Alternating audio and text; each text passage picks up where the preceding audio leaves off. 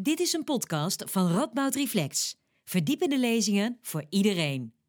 Goedenavond, dames en heren. Uh, welkom bij dit introductiecollege van Radboud Reflex over Michael Sandel, die zoals u weet ons volgende week zal bezoeken om te praten over zijn nieuwe boek The Tyranny of Merit, of uh, De Tyrannie van Verdiensten in het Nederlands. Mijn naam is Wouter Veldman werk als programmamaker bij Radboud Reflex en vanavond zal ik samen met Ronald Tinneveld stilstaan bij Michael Sandel's filosofische gedachtegoed. Ronald Tinneveld is hoogleraar rechtsfilosofie aan de Radboud Universiteit en besteedt in zijn colleges uitgebreid aandacht aan het denken van Michael Sandel over thema's zoals rechtvaardigheid, moraal en politiek. Ik zal Ronald Tinneveld vanavond aan de tand voelen over de vraag hoe Sandels nieuwe boek zich precies verhoudt tot zijn denken over deze thema's. Wat houdt zijn denken bovendien precies in? En wie is Michael Sandel eigenlijk? Waarom is hij zo'n belangrijk denker? En wat kunnen we, afgaande op zijn eerdere boeken, volgende week van Sandel verwachten? Na afloop van ons gesprek is er uh, natuurlijk ook weer uitgebreid ruimte voor u, de kijker thuis, om zelf vragen te stellen aan onze spreker. Uh, ga je voor naar uh, www.menti.com. En als het goed is, verschijnt er nu ook een, een code. Te, ja.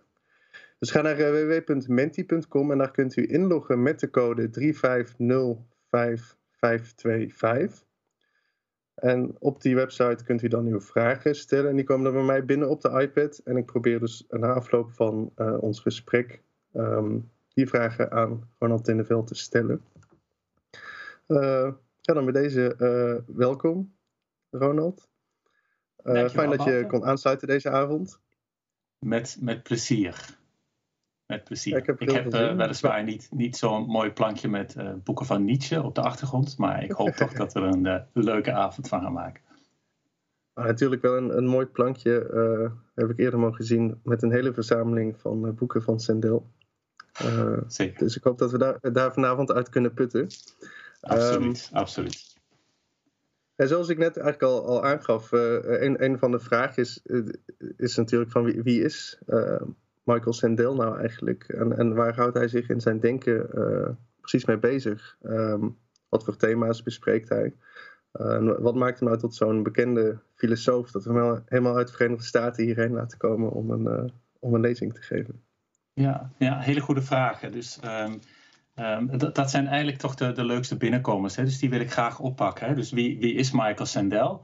Um, en als we iets willen weten over Michael Sandel, moeten we eigenlijk ook iets willen weten over de publieke rol die hij als filosoof vervult daar is hij eigenlijk bekend mee geworden. Dus dat, dat wil ik ook heel even oppikken. En misschien tegelijkertijd iets zeggen over dat uh, boek waar hij volgende week uh, met hopelijk ook jullie in uh, gesprek over gaat. The Tyranny of Merit. Het is altijd leuk om boeken te laten zien. Hè? Jullie zien met die flikkering van het licht waarschijnlijk niet heel veel van het boek. Maar ik zou zeggen, als jullie kans zien om het boek aan te schaffen, dan uh, is dat een hele goede aanschaf en uh, hij zal jullie niet teleurstellen. Nou, persoonlijk vind ik Michael Sandel een, een fascinerende filosoof. En dan niet zozeer omdat hij een origineel denker is, wat ik eigenlijk niet zal ontkennen, maar omdat hij er, wat mij betreft, eigenlijk als geen ander in slaagt om ons tot denken, tot reflecteren, tot morele reflectie aan te zetten over onze eigen morele opvattingen. En dat is, wat mij betreft, opnieuw toch datgene wat wij als filosofen uh, proberen te doen. Dus dat maakt hem eigenlijk tot een heel interessant filosoof. Nou, wie is Sandel?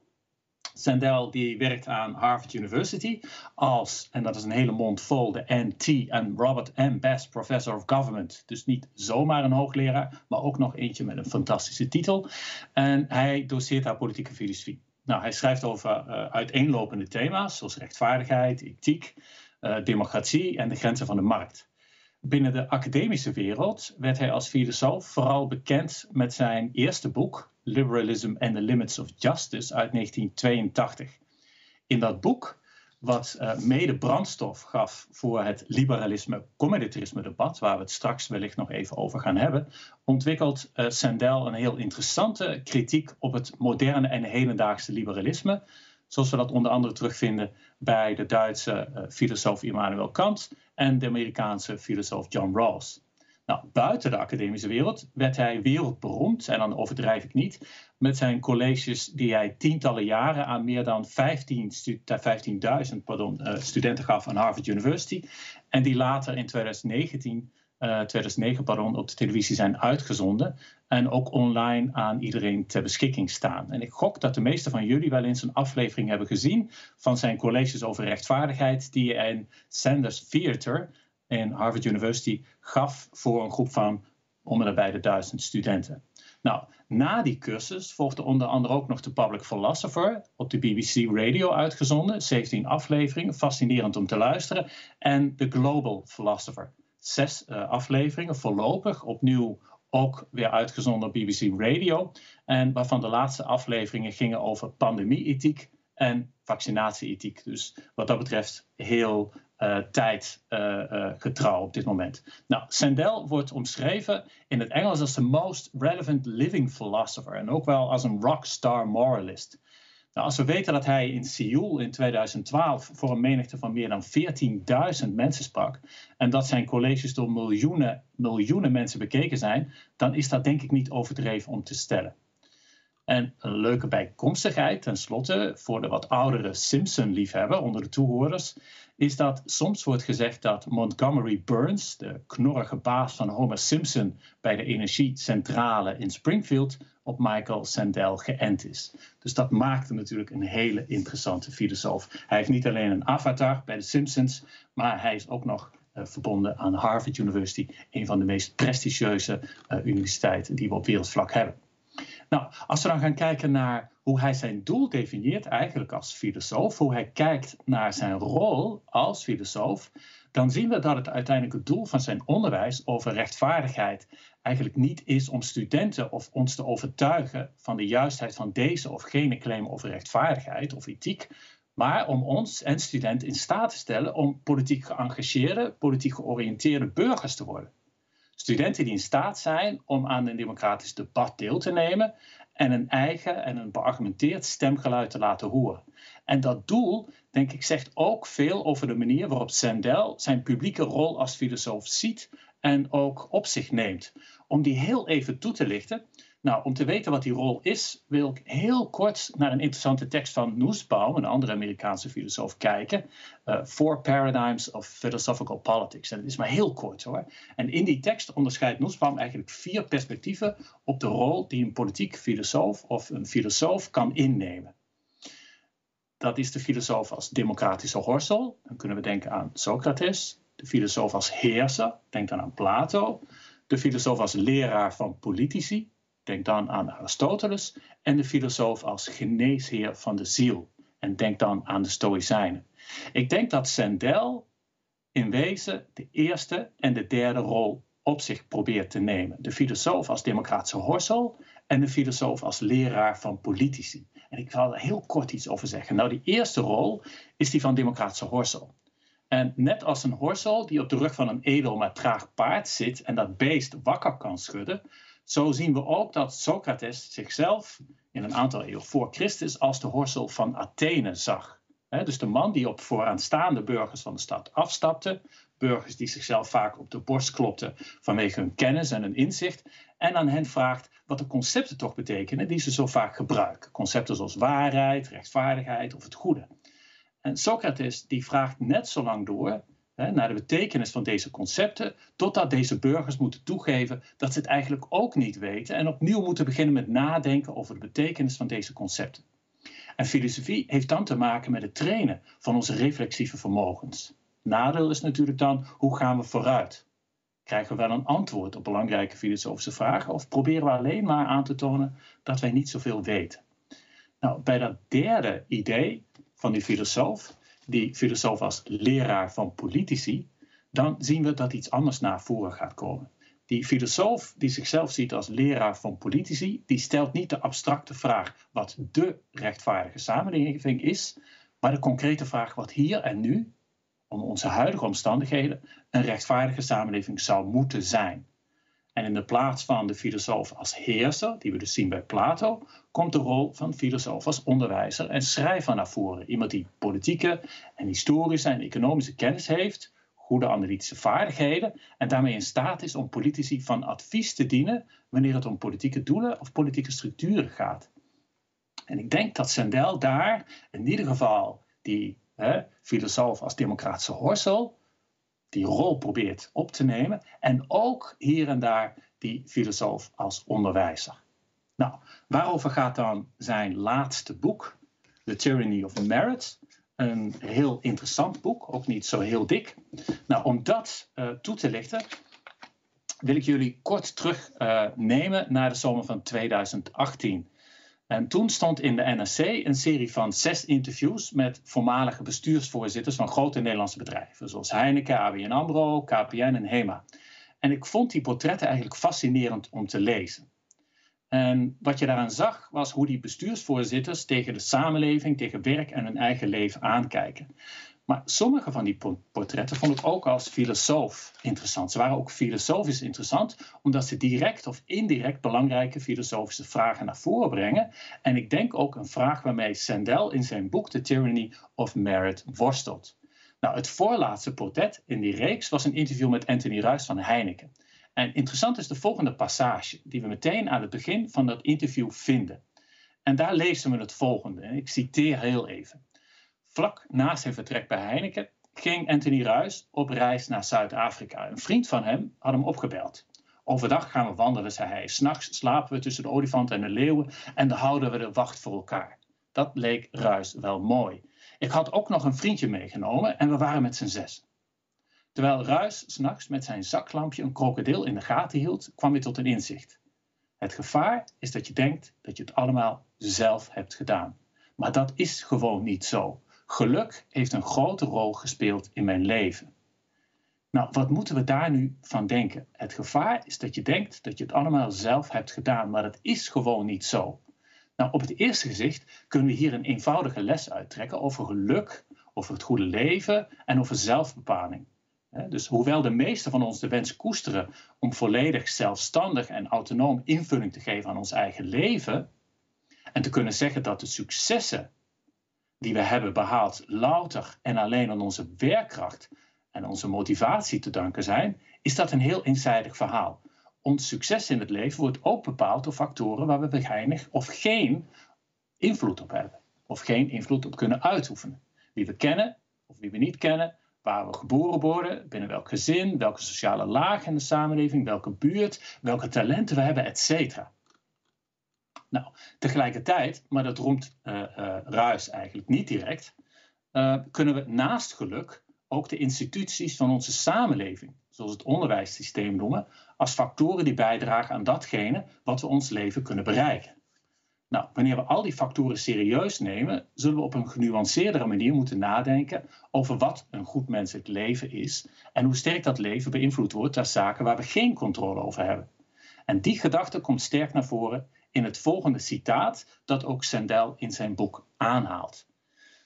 En wat is dat citaat? Het volgende. Ik heb onder de zon opnieuw gezien dat niet altijd een snelle hardloper de wedloop wint. Een sterke held de oorlog, dat hij die wijs, het, eh, wijs is, pardon, niet altijd zijn brood heeft. En hij die inzicht heeft, de rijkdom. Hij die bekwaam is, het respect.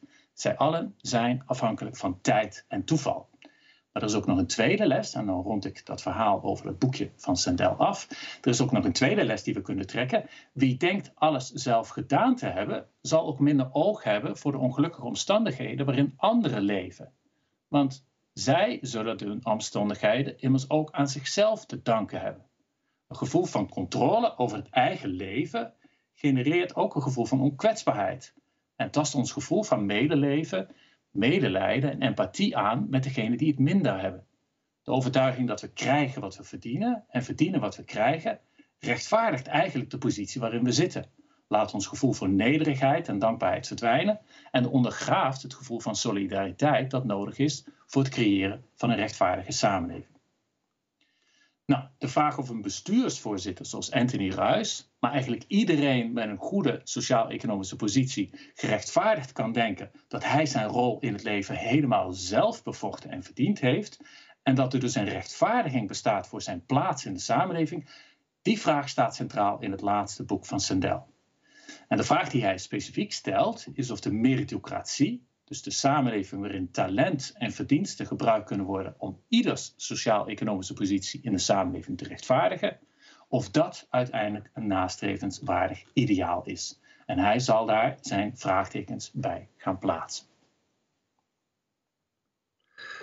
Ja, bedankt voor dit, uh, de hele uitgebreide toelichting al, al, over wie, wie Michael Sandel nou is. zeker voor de mensen die hem niet kennen, die zullen nu ook wel begrijpen waarom die, waarom die wordt omschreven als een rockster filosoof met, met zoveel kijkers. Hopelijk lukt dat ons volgende week ook om zoveel kijkers te trekken. Um, ik wil straks nog wel iets meer doorvragen en verder praten over zijn nieuwste boek. ik neem ook aan dat er daar vragen uit het publiek zullen komen. Um, maar misschien allereerst, je, je, had het al over de collegereeks van Sendel uh, over rechtvaardigheid of justice. Je noemde net ook al het, het, concept rechtvaardigheid. En het, eigenlijk natuurlijk het, het, bekendste, misschien wel bekendste boek van uh, Sendel. Ik, ik, heb hem hier uh, liggen, jij hebt hem volgens mij ook liggen. Rechtvaardigheid, of in het, um, in het Engels is het dan Justice. Dat is misschien wel zijn, zijn bekendste boek. Dus misschien daar heel eventjes bij stilstaan van ja. wat Sendel daar dan precies in betoogt. En ook in die collegereeks. Ik opsplits in, in twee vragen. Dus rechtvaardigheid, dat kan zowel een moreel begrip zijn. van wat is het juist om te doen. Of een politiek-maatschappelijk be begrip, zoals we dat net al een beetje zagen. Hoe, hoe, moet je de maatschappij inrichten? En misschien eerst eens die, die morele vraag. Wat is het juist ja. om te doen? Hoe, hoe ziet Sendel dat zelf? Hoe legt hij, hoe legt hij die vraag uit? En, en wat is zijn eigen visie daarop? Ja, ja een hele, een hele uh, mooie vraag. Dus dat boekje Rechtvaardigheid is denk ik het boek waarmee hij bij het grote publiek bekend is geworden. En ja, de ondertitel van dat boek uh, ja, geeft al meteen natuurlijk de vraag aan hè, waar hij op ingaat. Hè. Dus justice, what's the right thing to do? In het Nederlands dan rechtvaardigheid, wat is de juiste keuze? En op zich is dat natuurlijk een hele makkelijke vraag om te stellen, wat is rechtvaardigheid? Maar de beantwoording van die vraag is ontzettend moeilijk. En zoals je net terecht zei, die vraag, wat is de juiste keuze? Of wat is rechtvaardigheid, heeft bij hem een morele uh, of een ethische en ook een politieke lading. Dus die, die ethische vraag is: hoe moeten wij als mensen met elkaar omgaan? Dus hoe moet ik me tegenover andere mensen gedragen? Wat mag ik wel doen? Wat mag ik niet doen? En die politieke vraag gaat over de vraag naar de rechtvaardige samenleving. Dus hoe kunnen we de samenleving, het samenleven, op een rechtvaardige manier organiseren op basis van het recht? Nou, die twee vragen gaan volgens Sendel over het idee van rechtvaardigheid. En die vraag kunnen we eigenlijk alleen beantwoorden wanneer we dus die betekenis van rechtvaardigheid proberen te onderzoeken. Maar daar zit natuurlijk die moeilijkheid in. Hè? Dus het is een makkelijke vraag om te stellen, maar heel moeilijk om te beantwoorden. Waarom? Omdat die vraag wat is rechtvaardigheid, wat mij betreft een van de oudste en ook een van de meest fel bediscussieerde vragen is binnen de filosofie. Dus bijna alle grote denkers, van Plato tot Marx, van Aristoteles tot Rousseau, proberen zich over dat thema te buigen en proberen een antwoord te geven. En intuïtief voelen we eigenlijk wel aan wat we rechtvaardig of onrechtvaardig vinden. Maar als we dat begrip dan willen definiëren, ja, dan staan we soms met onze mond vol tanden. Nou, wat dat boek van Sandel, wat mij betreft, zo interessant maakt, is dat hij uh, vooral drie belangrijke antwoorden probeert te, geven op die vraag naar de juiste keuze. Hij probeert dus drie manieren van denken naar voren te brengen drie manieren van denken over rechtvaardigheid. Dat is rechtvaardigheid als het maximaliseren van welzijn, dat is de eerste. Rechtvaardigheid als respect voor vrijheid en fundamentele rechten, dat is de tweede. En rechtvaardigheid als het bevorderen van deugdzaamheid. En laat me die drie misschien heel even kort uitleggen. Nou, op het vlak van de ethiek kun je die drie manieren van denken koppelen aan drie bekende ethische stromingen. Het consequentialisme, dan kunnen we denken aan het utilitarisme bijvoorbeeld van Jeremy Bentham, de deontologie, de plichtsethiek van Immanuel Kant en tenslotte de deugdenleer. Dus bijvoorbeeld de deugdethiek van Aristoteles. Nou, als je gaat kijken naar die eerste twee manieren van denken over rechtvaardigheid, waar die omgaan, dan zien we dat vooral gezocht wordt naar een richtlijn voor wat rechtvaardig handelen is. Dus die richtlijn zal zijn het maximaliseren van nut of welzijn, of handelen uit plicht. Maar bij die derde wordt eigenlijk een andere vraag gesteld. Daar zoeken we niet direct naar een antwoord op de vraag wat juist handelen is, maar eerder naar een antwoord op de vraag wat een rechtvaardige persoon is. En centraal staan dan deugden en het morele karakter van mensen. Nou, die eerste manier van denken, dat consequentialisme, is de eenvoudigste om uit te leggen. Dus bij het consequentialisme wordt gesteld dat de morele juistheid van ons handelen afhankelijk is van de gevolgen van dat handelen. Handelen die tot goede gevolgen leiden zijn goed en handelen die slechte gevolgen hebben, ja, die zijn in die zin dus slecht. Nou, het utilitarisme is binnen dat consequentialisme eigenlijk de bekendste stroming die we daar tegenkomen. En dat model van dat consequentialisme, specifiek het utilitarisme, vinden we dan terug bij bekende filosofen als Jeremy Bentham, die ik eerder noemde, John Stuart Mill en Henry Sidgwick. En onder de noemer van gevolgen plaatsen de utilitaristen dan het algemeen welzijn of het nut. Dus dan krijgen we de bekende stelregel: die handeling is moreel juist, die het grootste nut voor de grootst mogelijke groep van mensen oplevert. Nou, die tweede manier van denken, die Sandel onderscheidt, is de deontologie of de plichtsethiek. Dat Griekse woord deon staat voor plicht. Juist handelen wordt volgens die deontologie niet bepaald door naar de gevolgen van de handeling te kijken, zoals wel het geval is bij het consequentialisme, maar door de vraag te stellen of een handeling in overeenstemming is met een morele norm. Sommige handelingen of sommige keuzes, ja, die zijn moreel ontoelaatbaar, ongeacht wat de positieve gevolgen ervan zouden kunnen zijn. Morele normen moeten we simpelweg naleven. Vandaar dat die motieven van ons handelen ook belangrijk zijn volgens die plichtsethiek. We moeten handelen uit respect voor algemene normen en voor algemene morele regels. In het Engels wordt dan gesproken over the priority of the right over the good. Misschien kunnen we het daar straks nog over hebben. Nou, een kort voorbeeld om dat verschil duidelijk te maken. Stel dat je gevraagd wordt om kampbewaker te worden bij een strafkamp waar gevangenen mensonwaardig worden behandeld. En stel tevens dat je weet dat als jij nee zegt, de leiding van het kamp dezelfde vraag voorlegt aan je zeer vrede buurman. Wat doe je dan? Zeg je ja en zorg je ervoor dat er in het kamp minder vreselijke dingen gebeuren, of zeg je nee? Nou, wie vooral naar de gevolgen van het handelen kijkt, zal wellicht ja zeggen. Wie echter weet dat een belangrijke gedeelde norm is dat mensen elkaars fundamentele waardigheid moeten respecteren, die zal wellicht geneigd zijn om nee te zeggen. En daar zie je hoe een consequentialist en een voorstander van die plichtsethiek toch uit elkaar kunnen lopen. Nou, bij die laatste manier van denken over rechtvaardigheid gaat het dus niet om de vraag wat ik moet doen of wat de juiste keuze is om te maken, maar om de vraag hoe moet ik leven. In Nederland heeft de filosoof Paul van Dongen dat eigenlijk heel mooi uitgelegd in zijn boekje Een deugdelijk leven of deugdelijk leven. Nou, hij geeft aan dat waarden en normen ons vaak geen onmiddellijk bruikbare richtlijn geven om te weten hoe we moeten handelen. En waarom niet? Nou, normen formuleren vaak enkel een ondergrens. Wat moet ik echt niet doen? En waarden zijn vaak zo breed geformuleerd dat we daar geen richtlijnen uit kunnen afleiden. En daarom, zeggen die voorstanders van die deugdethiek, is het veel belangrijker om een bepaalde karakterhouding na te streven, zodat we niet alleen nu een goede keuze maken, maar ook op een soort stabiele manier in de toekomst goede keuzes blijven maken. En ik denk dat Aristoteles wat dat betreft een van de belangrijkste filosofen is om in deze context te noemen. Nou, jammer genoeg zegt Sandel heel weinig over die ethiek van Aristoteles in zijn boekje, maar hij zegt wel heel veel over de politieke filosofie van Aristoteles. En dat zijn dus die drie manieren die Sandel naar voren brengt om die vraag, wat is de juiste keuze, te beantwoorden.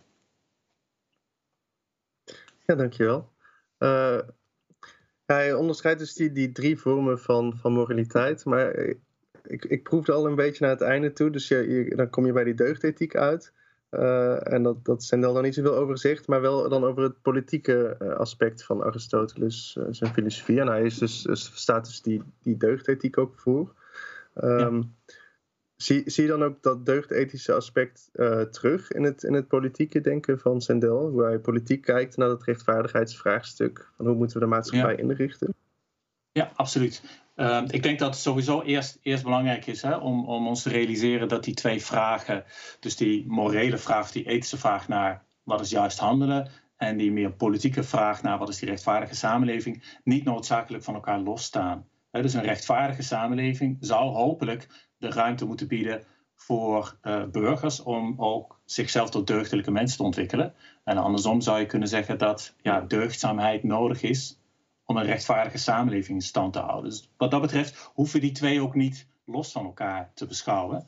Maar uh, hij behandelt ze wel alle twee. En als je gaat kijken naar die politieke vraag, wat is een rechtvaardige samenleving, dan zie je dat die, die drie manieren van denken over rechtvaardigheid daar eigenlijk op dezelfde manier laat terugkomen. Hè? Dus daar zien we opnieuw uh, die eerste manier van denken. Rechtvaardigheid heeft te maken met het maximaliseren van het welzijn. Tweede manier van denken, rechtvaardigheid heeft te maken met respect voor vrijheid en fundamentele rechten. En die derde manier van denken, het uh, rechtvaardig heeft te maken met het bevorderen van deugdzaamheid, die komen we daar terug. En de auteurs die daar centraal staan, uh, zijn eigenlijk veel meer hedendaagse filosofen. Hè, zoals Robert Nozick, John Rawls, Ronald Dworkin of Alistair McIntyre. En de thema's die besproken worden liggen ook op een ander vlak dan enkel, ja, wat zouden wij moeten doen of welke keuze zouden we moeten maken, maar hebben te maken met grote thema's, zoals patriotisme, mondiale rechtvaardigheid, wat is politiek spreken, etc. Nou, dat consequentialisme blijft centraal staan in die eerste manier van denken. Hè? in dit geval over de rechtvaardige samenleving. Bij die tweede manier van denken over rechtvaardigheid, namelijk rechtvaardigheid als respect voor vrijheid en fundamentele rechten van individuen, zien we dat vooral het liberalisme naar voren gaat komen. En bij die derde manier van denken zien we dat twee stromingen terug gaan komen: de politieke filosofie van Aristoteles en het communitarisme. opnieuw, misschien kunnen we het daar straks nog even over hebben. Um, nou, wat, wat hij nu wil doen met dat laatste model is eigenlijk heel interessant. Dus die derde manier van denken, waarbij die deugdzaamheid en uh, dat bevorderen van die deugdzaamheid centraal staat, dat gaat in wezen het geluid vormen dat ook Sendel zelf gaat uh, verdedigen. Maar misschien kan ik een heel klein stapje terug doen. Dus de vraag die op dat politieke vlak centraal staat is: hoe komen we concreet tot een antwoord op de vraag naar de rechtvaardige samenleving? Dus hoe slaan we ons een weg door dat moeras van verschillende opvattingen over wat rechtvaardig is en onrechtvaardig is heen? Nou, hier zien we dat Sandel dus echt een fascinerende denker is, omdat hij vooral wil laten zien hoe we over morele dilemma's kunnen nadenken. Dus hij probeert ons geen antwoord te geven op die vraag wat rechtvaardigheid is, maar hij probeert vooral ons tot denken te zetten. En hoe gaat hij dat nou doen? Nou, volgens Sandel kunnen we dan die vraag naar de rechtvaardigheid beantwoorden door onze morele reflectie te confronteren met hele moeilijke morele dilemma's. En ik gok dat hij dat volgende week ook gaat doen. Wat vinden we van positieve discriminatie? Wat vinden we van hulp bij zelfdoding? Of wat vinden we van handel in organen?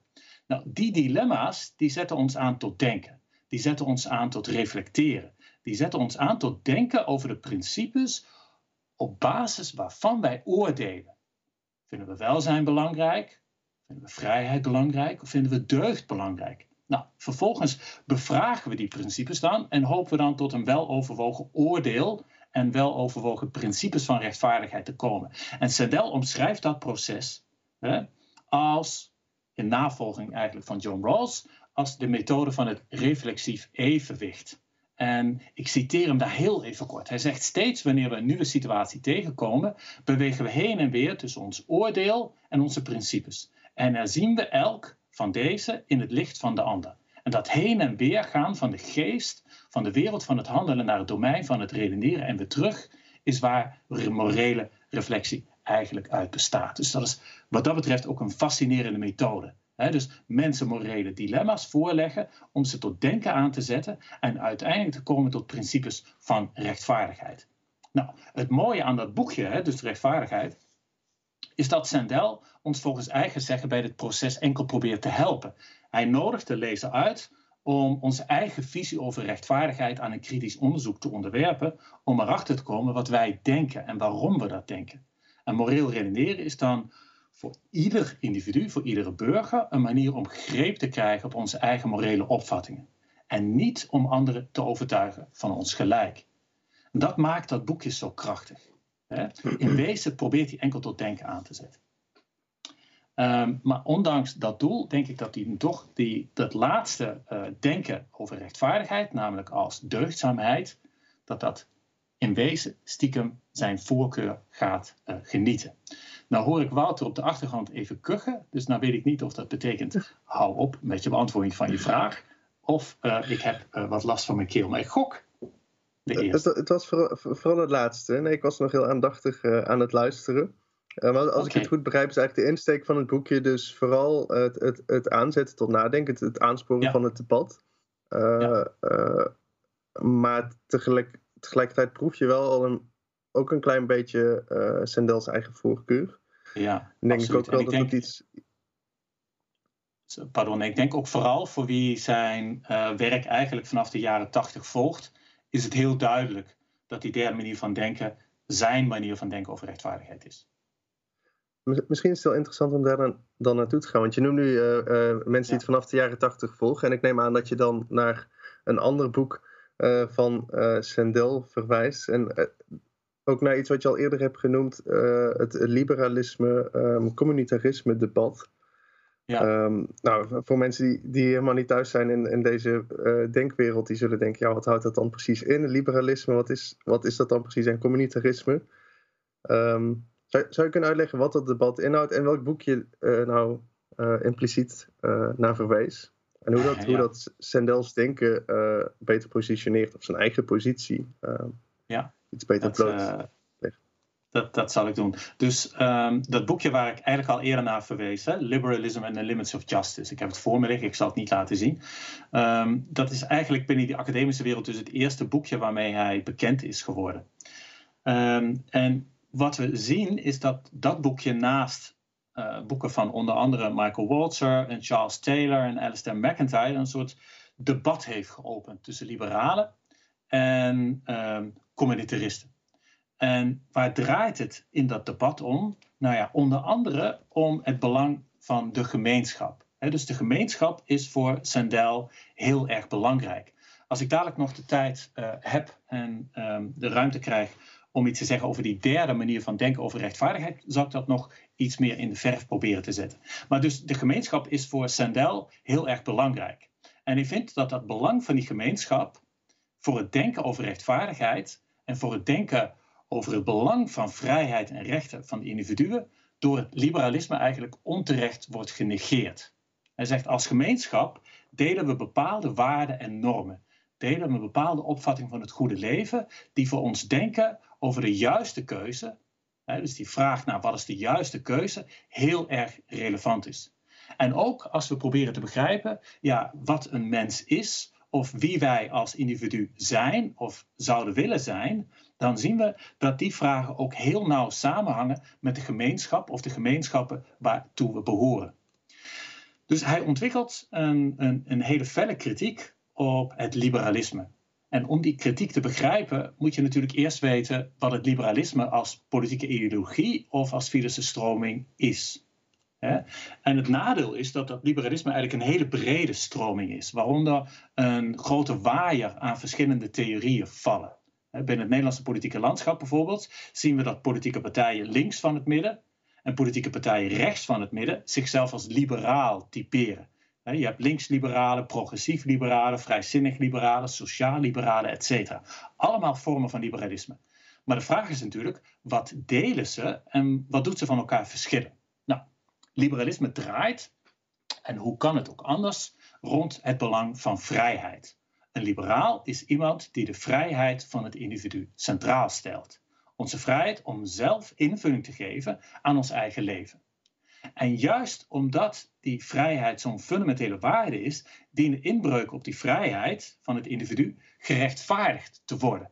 dus wanneer de overheid in onze sfeer van vrijheid ingrijpt, al helemaal als dat gebeurt op basis van dwang, dan moet daar een rechtvaardiging voor gegeven worden. Vrijheid staat centraal, iedere inperking daarvan wordt kritisch bekeken en moet gerechtvaardigd worden. Nou, dat liberalisme wordt door mensen vaak direct gekoppeld, terecht of onterecht, aan het ideaal van de vrije markt en aan dat fundamentele belang van eigendomsrecht. Maar toch zie je ook hier binnen het liberalisme dat er verschillende manieren zijn om vrijheid te koppelen aan de markt en aan eigendomsclaims. Aan de ene kant heb je, rechts van het politieke midden, als ik dat zo mag noemen, het libertarisme.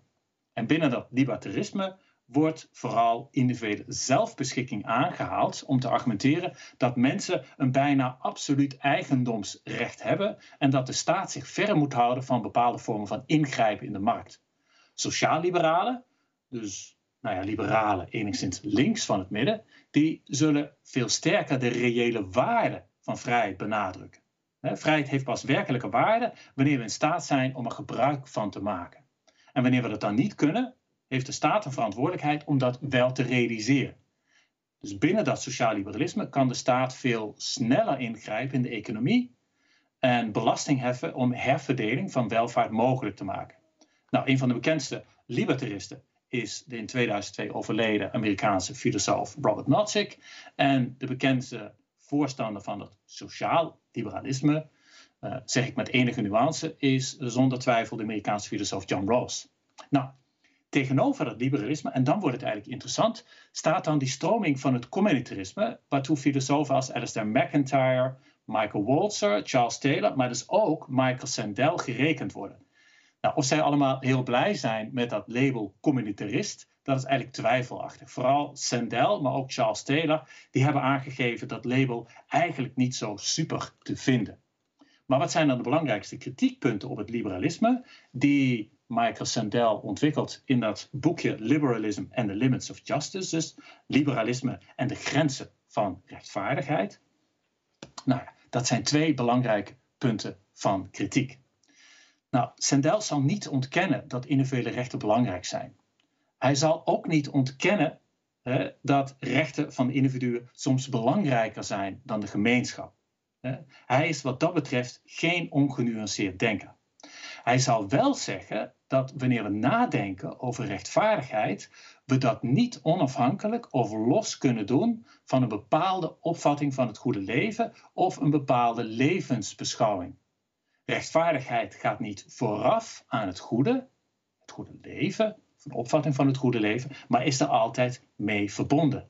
En dat is in wezen natuurlijk een vrij moeilijke stelling. Dus rechtvaardigheid gaat niet vooraf aan het goede, maar is daarmee verbonden. En hoe zou je dat nu kunnen verduidelijken? Nou, om te weten wat Sandel daarmee bedoelt, kunnen we heel kort kijken naar de auteur die hij bewondert, maar ook bekritiseert, dus John Rawls. Rawls stelt zichzelf de vraag hoe wij als burgers tot gezamenlijke principes van rechtvaardigheid komen voor onze samenleving. En hij stelt, ja, onze samenleving die wordt gekenmerkt door een grote mate van pluraliteit van levensbeschouwingen en opvattingen van het goede leven. En Rawls zegt, we kunnen eigenlijk alleen maar tot gedeelde principes van rechtvaardigheid komen, ja, wanneer de overheid zich neutraal opstelt tegen die opvattingen van het goede leven. Dus die overheid moet neutraal staan tegenover ja, datgene wat ons verdeelt. Want anders zijn we niet in staat om controversiële kwesties op te lossen. Nou, Sandel is het daar absoluut niet mee eens. Hij zal zeggen, als wij politiek willen spreken, als wij onze rechtvaardigheid op een uh, deugdelijke wijze tot inzet willen maken van debat, dan kunnen we dat niet doen zonder te spreken over de waarden die we delen of de levensbeschouwingen die we delen, of zonder beroep te doen op het goede leven. Of anders gesteld, we kunnen over rechtvaardigheid en recht niet nadenken zonder een beroep te doen op een bepaalde opvatting van het goede leven. En dan de tweede, heel kort, grootste kritiekpunt van Sandel, als hij spreekt over het liberalisme, is dat liberalen vooral benadrukken dat zelfbepaling belangrijk is. Alle mensen moeten dezelfde rechten krijgen om zelfstandig invulling te geven aan hun leven, hoe we willen leven of hoe we dat zelf willen bepalen. Anderen moeten dat niet doen. Niet de gemeenschap, waartoe ik behoor, of de traditie waarvan ik deel uitmaak. En Sandel zegt je, als we dat serieus nemen, dan zien we daarin een heel sterk ideaal van onafhankelijkheid. We kunnen volledig zelf kiezen voor de relaties die in ons leven belangrijk zijn. We kunnen helemaal zelf kiezen voor de doelen die belangrijk zijn in ons leven. Maar Sandel zegt, ja, dat gaat eigenlijk niet. Wie wil begrijpen wat wij als individuen zijn, wie wil weten welke relaties voor ons als individuen belangrijk zijn? Wie wil weten welke doelen voor ons als individu belangrijk zijn? Die moet zich realiseren dat wij op een hele belangrijke manier met die gemeenschap verbonden zijn. Dus individu en gemeenschap zijn op een constitutieve wijze met elkaar verbonden. En dat is die tweede punt van kritiek. Ja, duidelijk. Um, we moeten eigenlijk zo, naar de vragen uh, van het publiek toe. Maar, maar misschien uh, is, is nog één, één vraag in de richting van het nieuwe boek van Sandel. Je, je noemde net de twee kritiekpunten ja. uh, van Sandel. En daar lijkt bij allebei toch de gemeenschap inderdaad een belangrijke rol te spelen. Um, En als ik het goed heb begrepen, zegt hij in, in feite dat liberalisme, dat, dat veronderstelt eigenlijk dat je als overheid of, of als gemeenschap allereerst neutraal kan opstellen, in morele zin, over wat de goede maatschappij zijn. Maar dat kan helemaal niet, volgens Sendel. En ten tweede, in, in alles wat wij doen en, en wie we worden, zijn we ook weer afhankelijk van die gemeenschap. Ja. Um, en hoe leidt het dan toe uh, naar uh, zo'n kritiek op meritocratie? Misschien uh, wat concrete vraag. Zou je nog eens kunnen uitleggen wat meritocratie precies inhoudt en hoe Sendel daar dan een kritiek oplevert vanuit zijn communitarisme, als we het zo mogen noemen? Ja, um, dan keer ik heel even terug naar waar ik mee begonnen ben. Hè. Dus ik gaf een, een hele korte definitie van meritocratie dus wat is meritocratie? Als je dat zou uh, willen definiëren, dan kunnen we zeggen: het gaat dan eigenlijk uh, om een samenleving. Dus een meritocratische samenleving is een samenleving waarin talent en verdiensten gebruikt kunnen worden om ieders sociaal-economische plaats in de samenleving te rechtvaardigen. Waarbij we dus kunnen zeggen: nou, waar ik sta, dat heb ik zelf bereikt door hard te werken. Door naar de universiteit te gaan, door een goede opleiding te krijgen. En terugkijkend kan ik dat meteen ook rechtvaardigen. Ik kan niet alleen een claim hebben op mijn rijkdom, maar ik kan ook zeggen: dit heb ik gedaan. Dat is aan mij te danken. En als jij het niet redt, ja, dan ligt dat aan jouw gebrek aan werkkracht. Dan ligt dat aan jouw gebrek aan inzicht. En uh, wat, wat Sandel eigenlijk probeert te doen, is niet zozeer het idee van verdiensten aan de kant te schuiven. Dus meritocratie heeft te maken met verdiensten. Hij gaat zeggen, ja, dat idee van verdienst is op zich niet zozeer problematisch, maar wel hoe we die idee van verdiensten, in ieder geval binnen de Amerikaanse samenleving, hebben vormgegeven. Hij zegt, daar zie je een hele duidelijke tweedeling. Mensen die een hogere opleiding hebben gehad, vooral ook aan die hele goede universiteiten, ja, die krijgen een goede reputatie en die verdienen meer. En die kunnen dus ook gaan zeggen, ja, waar ik nu sta met al mijn geld en al mijn macht, dat heb ik verdiend. Dat heb ik aan mezelf te danken. En diegenen die niet mee kunnen komen, die niet die hogere opleiding uh, hebben kunnen genieten, hè, omdat ze te weinig geld hadden of omdat hun interesse op een ander vlak lag of wat dan ook, ja, dat zijn degenen die uiteindelijk verloren hebben. Die zijn niet meegekomen. En dus je krijgt daar een samenleving van winnaars en verliezers. En wat Sandel nu probeert te doen, is eigenlijk aandacht te vragen voor die problematische tweedeling. En vooral ook die waardering weer terug te brengen voor werk. En voor het feit dat er ook een andere manier is om jezelf vorm te geven dan op basis van die Ivy League universities. En dat ook gewoon werk bekeken moet worden in termen van de waarde die het heeft voor de gemeenschap. Ja, precies. En dan, en dan tegelijkertijd ook ook voor die, die mensen van die Ivy League uh, universiteit en andere mensen die, die succesvol zijn of, of winnaars zijn, uh, dan de, de boodschap dat, dat ze dat ook wel te danken hebben aan de gemeenschap, zoals die, die uh, van Heineken dat. Ja, absoluut. Dus de, de positie die we in het leven uiteindelijk innemen en de, de positie die we later hopelijk in die samenleving innemen als we nog wat jonger zijn, ja, dat heeft te maken met onze werkkracht, dat heeft te maken met onze motivatie, maar ook gewoon met geluk. Ook gewoon met de, met, met de, de capaciteiten waarmee we geboren worden. Of onze ouders ons aangezet hebben tot hard werken. Of er een onderwijssysteem is. Of we uit een stabiel gezinsleven komen. Of datgene wat we goed kunnen ook gewaardeerd wordt. dus als je heel goed bent in voetballen, dan kun je uh, nou ja, honderden miljoenen verdienen. Als je nou ja, uh, een, een andere taak binnen de samenleving vervult, uh, die niet uh, direct gewaardeerd wordt, dan zie je dat daarmee je inkomen al een heel stuk naar beneden uh, gaat. En de vraag is natuurlijk, ja, maar hoe waarderen we dan werk? Waarom kun je met het ene veel verdienen en het andere niet? Wat zegt dat over werk? En moeten we niet ook de vraag stellen of de waardering voor werk niet samen zou moeten hangen met de bijdrage die je levert aan die gemeenschap? Nou, dat is een hele, hele mooie boodschap. Um, ja, ik, ik, ga nu ondertussen denk ik uh, even door naar de vragen van het uh, publiek. Maar ik zag er al een paar die gewoon heel mooi aansluiten op het gesprek uh, dat we nu hebben. En, en ook het, het, laatste stuk dat je hebt verteld. Um, een aantal mensen vraagt in verschillende vormen um, hoe Sendel eigenlijk zijn eigen morele uitspraken fundeert. of hij überhaupt zelf morele uitspraken doet. of hoe dat soort morele principes ontstaan.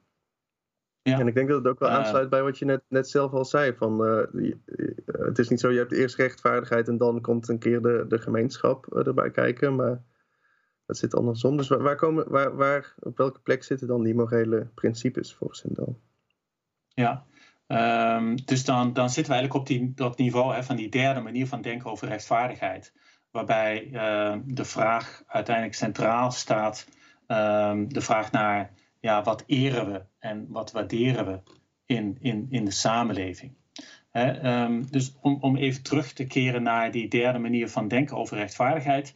Um, hij zegt dan dus dat uh, het denken over rechtvaardigheid samenhangt met datgene wat we binnen de samenleving eigenlijk eren en waarderen. Om een heel kort voorbeeldje te noemen. Dus hij zegt discussies over rechtvaardigheid zijn altijd en onvermijdelijk verbonden met discussies over eer, deugd en de goede manier van het leven. Nou, dat klinkt vrij abstract, maar ik zal een voorbeeld geven. Hè. Dus neem nu, als we even teruggaan naar 2019, toen zagen we dat er een wetsvoorstel kwam waarin werd gesproken over winstuitkeringen in de ziekenhuiszorg. dus winstuitkeringen in dat ziekenhuiswezen, dat zou mogelijk gemaakt moeten worden. Sandel zou dan zeggen, ja, wat moeten we ervan vinden? Moeten ziekenhuizen winst kunnen maken of niet? En Sandel zegt, nou, als je die vraag wil beantwoorden, dan moeten we niet alleen kijken naar uh, de wenselijkheid van dat ideaal, winstuitkering. Maar we moeten eigenlijk ook de vraag stellen: ja, wat is dat nou, die sociale praktijk van het zorg bieden? Draait een ziekenhuis uiteindelijk om het doel van winst maken, of draait een ziekenhuis om het doel van zorg bieden? dus draait de zorg rond het verdienen van geld of het beter maken van degenen die ziek zijn? Nou, dat denken, dus over doelen, over datgene wat we eren, over datgene wat we waarderen. Dat is precies die vraag die uh, Sandel zichzelf stelt en die we dus terug kunnen vinden ook in die politieke filosofie van Aristoteles. En, en zijn, zijn eigen uh, uiteindelijk zijn eigen antwoord op, op die vraag. En dan eh, maak ik meteen een bruggetje naar een andere vraag uit het publiek. Is het dan, ja. uh, volg je daarin dan ook Aristoteles heel erg? Dus is zijn denken ook een soort van praktische toepassing van het denken van Aristoteles? Nou, ik denk dat hij in termen van de politieke filosofie van Aristoteles vooral een manier van denken over rechtvaardigheid meeneemt.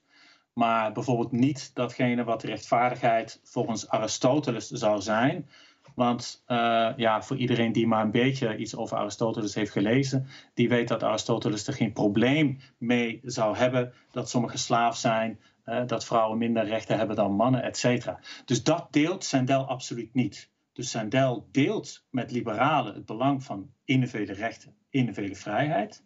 Maar hij zou zeggen dat wat een rechtvaardige samenleving is, niet alleen bekeken kan worden vanuit dat discours, vanuit die taal hè, of dat spreken over autonomie, hè, hoe wij ons leven in willen richten, maar dat we altijd moeten letten op het belang van de gemeenschap voor de manier waarop we onze samenleving inrichten. Dat we moeten kijken naar wat de gedeelde waarden en normen binnen de gemeenschap zijn, om de vraag naar rechtvaardigheid te beantwoorden. En uh, dat we wat dat betreft ook heel genuanceerd moeten kijken naar ja, wat betekent rechtvaardigheid als we bijvoorbeeld spreken over de zorg. Wat betekent rechtvaardigheid als we bijvoorbeeld spreken over onderwijs? Wat betekent rechtvaardigheid wanneer we spreken over de markt? En als we dat doen, dan hopen we te komen tot principes van rechtvaardigheid die die samenleving op een juiste wijze kunnen ordenen, kunnen inrichten.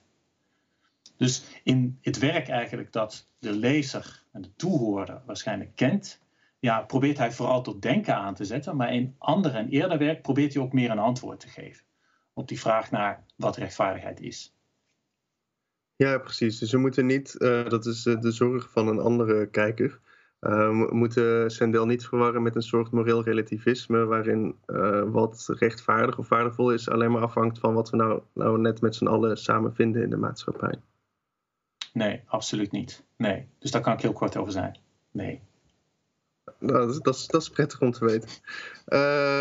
Dan een andere vraag. Je hebt, je hebt net natuurlijk al het voorbeeld genoemd van de zorg, hoe dat ook in Nederland ehm, eh, speelt. Um, vraagt hier iemand in hoeverre uh, Sandels denken nou eigenlijk vooral gaat over de Amerikaanse uh, samenleving. We hadden het natuurlijk net ook over de Ivy League en zo. Ja. Um, of dat het eigenlijk ook wel toepasbaar is op dingen die we in Nederland tegenkomen. Dus is, ja. is het een universele theorie of gaat het toch vooral over de Amerikaanse samenleving? Ja, ehm, nou, ik denk op de eerste plaats, als je zijn boeken leest en vooral de voorbeelden bekijkt die hij noemt, dan zijn die heel erg Amerikaans dus de, de voorbeelden die jij geeft zijn wel herkenbaar, maar bijvoorbeeld in het boekje What Money Can't Buy staan heel veel voorbeelden die wij in de Europese context niet direct naar voren zouden brengen. Dus veel van die voorbeelden die jij noemt zijn Amerikaans. En als we gaan kijken naar het boekje The Tyranny of Merit, ja, dan bespreekt hij een probleem dat uh, voor de Amerikaanse context uh, eigenlijk veel wezenlijker is dan voor de Europese context. Dus hij zegt die Ivy League universities, hè, dus die ja, prestigieuze universiteiten zoals Stanford of Harvard of Princeton, ja, die worden gezien als een soort voorsorteermachine op prestigieuze functies in de samenleving. Je hebt heel veel studenten die proberen naar de universiteiten te gaan, maar er zijn er maar een paar die toegelaten worden. Dus we krijgen een enorme concurrentie van studenten die toegelaten kunnen willen worden tot die ja, bekende universiteiten in de hoop uh, iets te bereiken in het leven.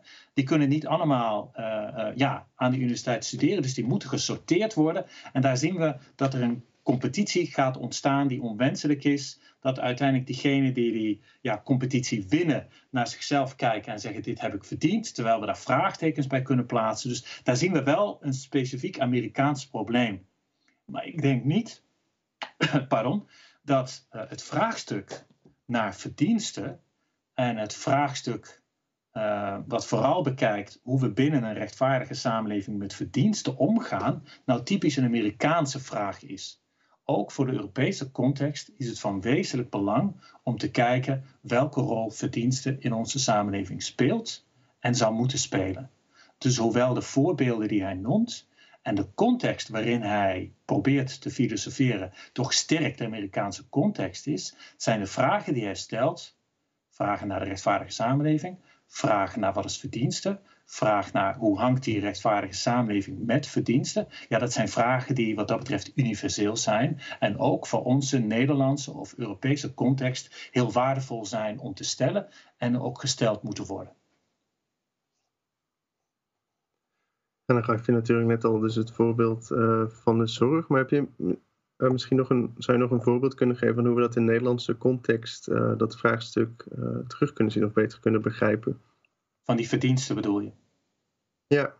ja. Dus die nou, spanning tussen meritocratie ja, en... ik denk waar um, Sandel heel sterk wijst op een groeiende tweedeling in Amerika tussen rijk en arm of tussen degenen die het bereikt hebben en degenen die het niet bereikt hebben.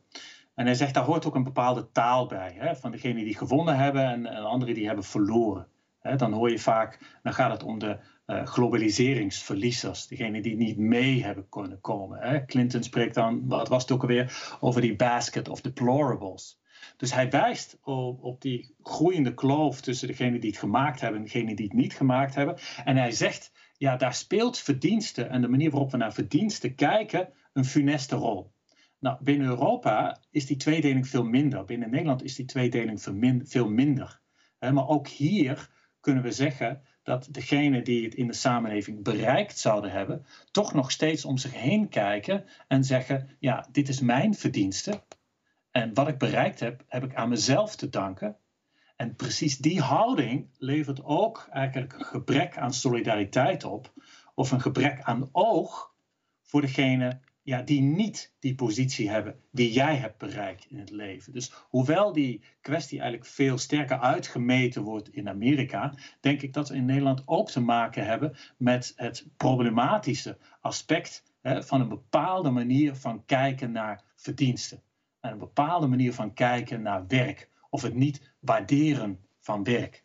We hebben natuurlijk afgelopen weken of afgelopen maanden werd het probleem naar voren gebracht dat wij allemaal stonden te juichen voor de zorg. Maar toen het kwam uh, op het uh, aspect van gaan we er ook voor betalen, toen bleek die bereidheid er veel minder te zijn. Dus ergens gaat er toch iets mis in die waardering van werk, in die waardering van arbeid.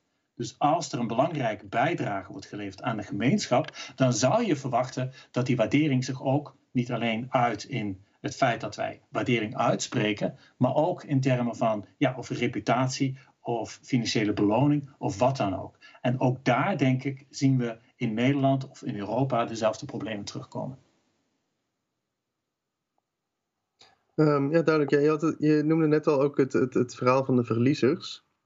Dan heb ik hier een vraag die daar ook op aansluit. Uh, de, de, ondertitel van uh, Sendel's boek is uh, over de toekomst van de democratie. En dan is de vraag, wat, hoe, hoe, ziet hij dan die toekomst van de democratie? En dan met name, zegt deze vrager, met name in relatie tot Trumpisme en populisme, dat juist zegt op te komen voor die verliezers. Ja, absoluut. Um, ik, ik denk dat waar Sandel heel goed in is in dat boek, is een probleem blootleggen. En hij probeert een soort tijdsanalyse te geven. En hij probeert te laten zien waar het succes nou ontstaat van populistische partijen. Hoe die verkiezing van Donald Trump uiteindelijk tot stand heeft kunnen komen. En hoe een fenomeen als Brexit uiteindelijk heeft kunnen gebeuren. En je ziet in de literatuur, of ook als je de kranten natuurlijk goed bijhoudt, dat er twee verklaringen vaak worden gegeven. En Sandel probeert een derde te geven. En ik zal dat heel kort doen. dus Sandel probeert een antwoord te geven op die vraag: waar komt die populistische revolte nou vandaan? Waar komen die boze burgers nou vandaan? En dan is de eerste verklaring: is, ja, waar zien we nou dat mensen vooral ontevreden over zijn? Wie zijn er ontevreden? Ja, uh, we zouden het dan hebben over de angst van de boze man uit de arbeidersklasse, hè, die zich bedreigd voelt door een soort toenemende raciale, etnische of genderdiversiteit, door de macht van de politiek correcte. Dus door degene die zich een vreemdeling voelt in eigen land. Een tweede verklaring die je vaak hoort, is dat die boze uh, burger uh, ja, vooral uit die arbeidersklasse komt en dat die arbeidersklasse een groep van mensen is die de globaliseringsverliezers zijn. degene die in die nieuwe economische orde, die uh, wereldorde van het liberalisme, het neoliberalisme, eigenlijk geen plaats meer hebben. En er niet in geslaagd zijn om zich aan te passen. Dan zegt Sandel, ja, die twee verklaringen die kloppen ergens wel. Hè. Er zit ook zoiets als uh, racisme. Er zit ook zoiets als ongemak. Mensen die zich niet thuis voelen in eigen land. En daar zit ergens ook een idee dat bepaalde groepen van mensen niet mee hebben kunnen komen. Maar Sandel die zegt, er is eigenlijk ook nog iets anders dat we uh, missen als we louter kijken naar die andere twee verklaringen. En dat is precies het desastreuze effect van die meritocratie. En als je dan de vraag stelt, ja, welke kant moeten we op? Ja, dan vind ik Sandel uh, uh, eigenlijk een beetje teleurstellen. Dus hij geeft wat mij betreft um, enkel een paar kleine idealen aan om te bereiken. Maar ik vind in dit boek geen volwaardig antwoord terug op, ja, waar moeten we nu heen gaan? Dus wie volgende week gaat luisteren en hem die vraag wil voorleggen, die zal ik heel dankbaar zijn. Waar moeten we heen?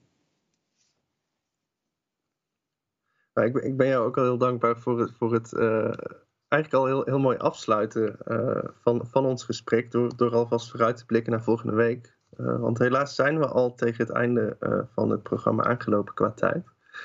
Um, maar inderdaad, ja, als, als, er een, als, als, uiteindelijk dus blijkt dat, dat in zijn nieuwe boek Sendel's eigen idee wat teleurstellend is, dan is er des te meer reden om dat volgende week aan hem te vragen. We zullen dan ook geen uh, college krijgen van uh, Sendel, maar hij gaat in gesprek uh, met een aantal mensen van de Radboud Universiteit, waaronder ook een aantal studenten. En ook u als publiek kan dan weer vragen stellen, dus neem deze vraag ook vooral mee. Um, ja, dan wil ik allereerst jou bedanken, Ronald, voor deze hele uitgebreide en verhelderende antwoorden. deze introductie bij Sendel. Um, Graag gedaan. En ook heel veel dank aan het publiek voor de vele vragen. Het zijn er echt heel veel geweest en ik heb ze absoluut niet allemaal kunnen bespreken. Um, maar bewaar ook dit soort kritische vragen die sommige van jullie hebben gesteld uh, voor volgende week. En vraag die dan aan uh, Michael Sandel zelf. Um, en natuurlijk vond je dit een uh, leuke avond. Heb je genoten van deze lezing um, en draag je Radboud Reflex een warm hart toe. dan kan je natuurlijk allereerst uh, ons uh, liken en subscriben hier op YouTube. Um, maar je kan ook nog iets meer doen dan dat, namelijk door een donatie te doen uh, via de donatieknop op onze website. Um, daarnaast kan je onze website ook in de gaten houden als je meer programma's wil volgen. Dus morgen hebben we bijvoorbeeld een interessant programma over het onderwijs. en volgende week dan natuurlijk de lezing van Michael Sandel zelf. Ehm, maar voor nu heel erg bedankt voor het kijken. Een hele fijne avond en hopelijk tot volgende week.